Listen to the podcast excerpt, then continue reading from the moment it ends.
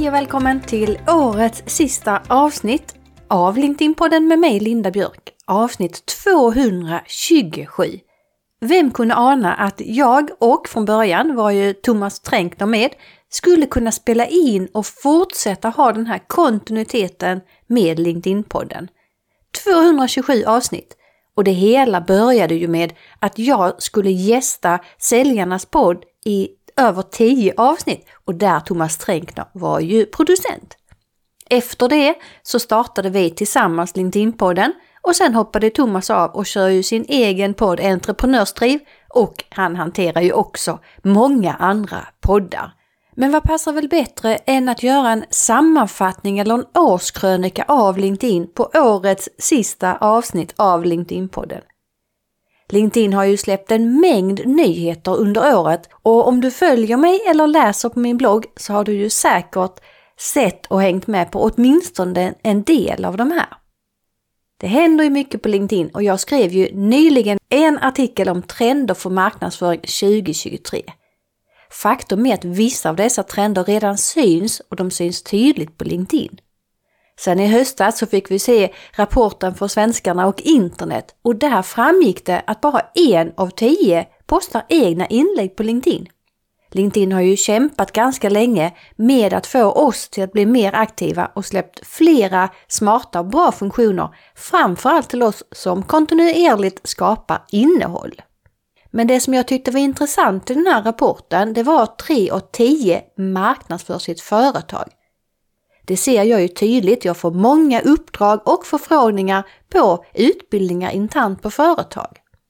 Man förstår att med hjälp av medarbetarna så kommer företagen att få mycket, mycket bättre effekt på LinkedIn. Men det gäller ju att veta vad du ska mäta. För jag upplever ofta att man sätter mätpunkter på det här på enkla sätt. Det vill säga att man tar säljmätpunkter rakt in med sig in på LinkedIn som faktiskt tar tid att jobba med.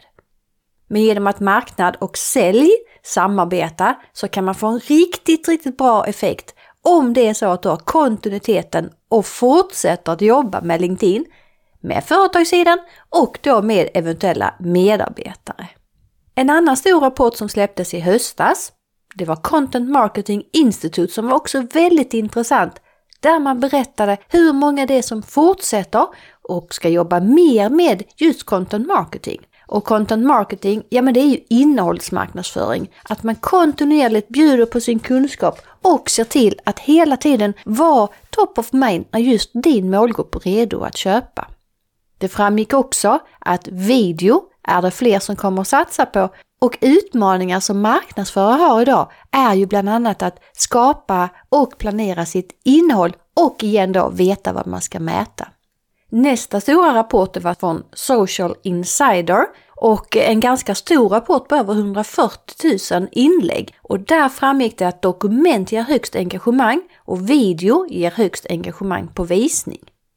Det här stämmer också riktigt bra med rapporten som Richard van der Bloom släppte gällande algoritmerna. Säkerligen har du sett den rapporten, men jag vill ändå skicka med ett råd här.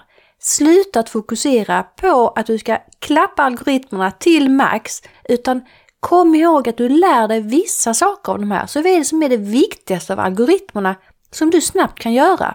För det är ju så att är det någonting som ändras, ja då är det ju algoritmerna. Har du märkt att flödet har ändrats? Jajamensan!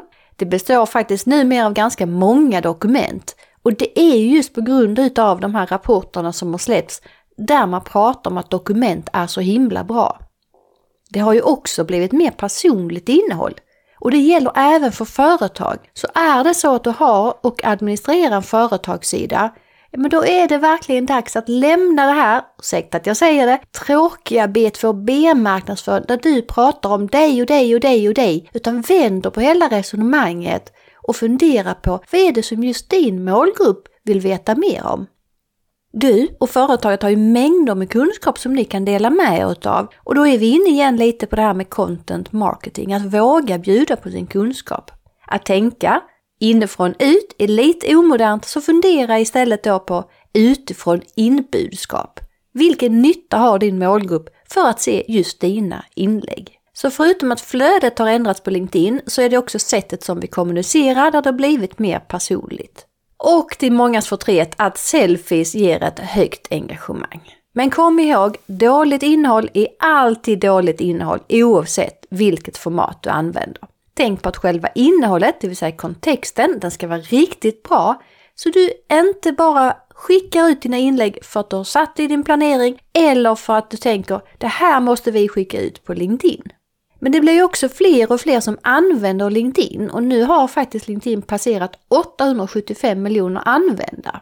Det innebär faktiskt att det kommer krävas bättre och mer anpassat innehåll. Och Microsoft, ja de rapporterar gång på gång på gång nya rekordnivåer av både antal sessioner och engagemang. Och tycker du att det här är krångligt eller går lite fort så vet du att på linkedinpodden.se så kommer jag lägga länkar och fördjupningsmaterial till alla de här sakerna som jag har nämnt redan. Alla rapporterna, trenderna som vi ser och siffror och statistik för LinkedIn. Intresset för LinkedIn är stort och det märks tydligt att man satsar framförallt på marknadsföring för B2B-företag och också till oss som skapar kontinuerligt innehåll. Har du skaparläget igång på din profil? Ja, då har du förhoppningsvis sett att du har fått många nya funktioner under det här året. Och den senaste funktionen, det är ju att du har fått bättre statistik och det där var ju riktigt efterlängtat tycker jag. Sen går det såklart att jobba med tankeledarskap där utvalda personer i företaget tar plats, antingen via företagssidan, till exempel nyhetsbrev, eller via sin egen profil. Men jag hade rekommenderat dig som har medarbetare att jobba med båda sakerna. Men kom ihåg att det gäller att veta vad du ska mäta, för det tar ju lite tid att jobba med LinkedIn. Oavsett hur du gör och hur du använder LinkedIn och vilket mål du har så har du fortfarande stor möjlighet att ta plats och bygga varumärke. Du har säkerligen också märkt att LinkedIn har sänkt räckvidden, men jag tycker att LinkedIn har fortfarande en bra organisk synlighet. Men det blir fler och fler som väljer att annonsera på LinkedIn. För genom att du gör det så kan du ju verkligen nå den målgruppen exakt som du vill. Så förutom alla de här nyheterna som jag kommer att länka till på LinkedInpodden.se så har det ju släppts ännu fler nyheter, både för företag och för profiler. Det blir lättare att få prenumeranter på nyhetsbrev och nyhetsbrev, det vet du säkerligen att de indexeras av Google och det har LinkedIn ytterligare förstärkt.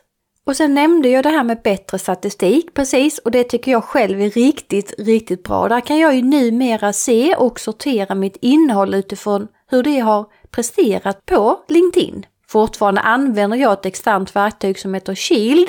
Jag lägger en länk till det också på linkedinpodden.se. Och anledningen till att jag gör det är att jag har många fler möjligheter att både sortera och snabbt se och såklart återanvända mitt innehåll. Sen är det flera nyheter för företagssidor, men en grej som jag tycker är riktigt intressant att titta på, förutom då att man igen uppdaterar och förbättrar nyhetsbrev på LinkedIn, så kommer man också ytterligare att förbättra den här konkurrentanalysen som du har. Den är ju väldigt värdefull att gå in och titta på, för den är ju en form av jämförelse, eller du benchmarkar dig mot ett antal företag som du själv kan välja ut. Så LinkedIn är på hugget och det har hänt väldigt mycket under 2022. Smarta verktyg och funktioner. Vi ser ju AI som har tagit ett större kliv in på LinkedIn. Säkerligen har du också hört talas om Chat GPT som är ju ett AI-verktyg som helt enkelt kan skriva texter. Det innebär att det finns ju enklare sätt nu med hjälp av olika AI-verktyg för dig som är marknadsförare. Men jag upplever fortfarande att de behöver en mänsklig hand eller tonalitet för att de blir ganska statiska.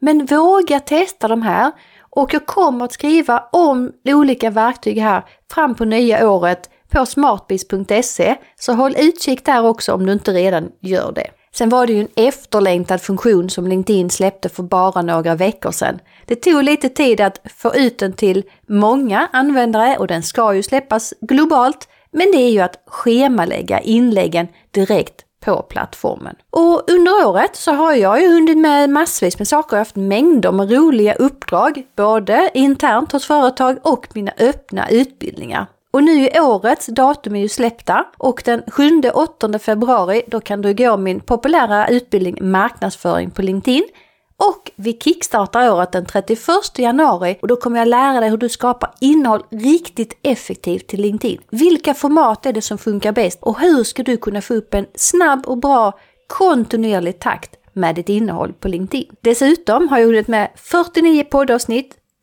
39 livesändningar och 48 blogginlägg. Det är rätt mycket innehåll, men jag har ju väldigt bra och smarta system för att jag ska klara av allt det här innehållet som soloföretagare.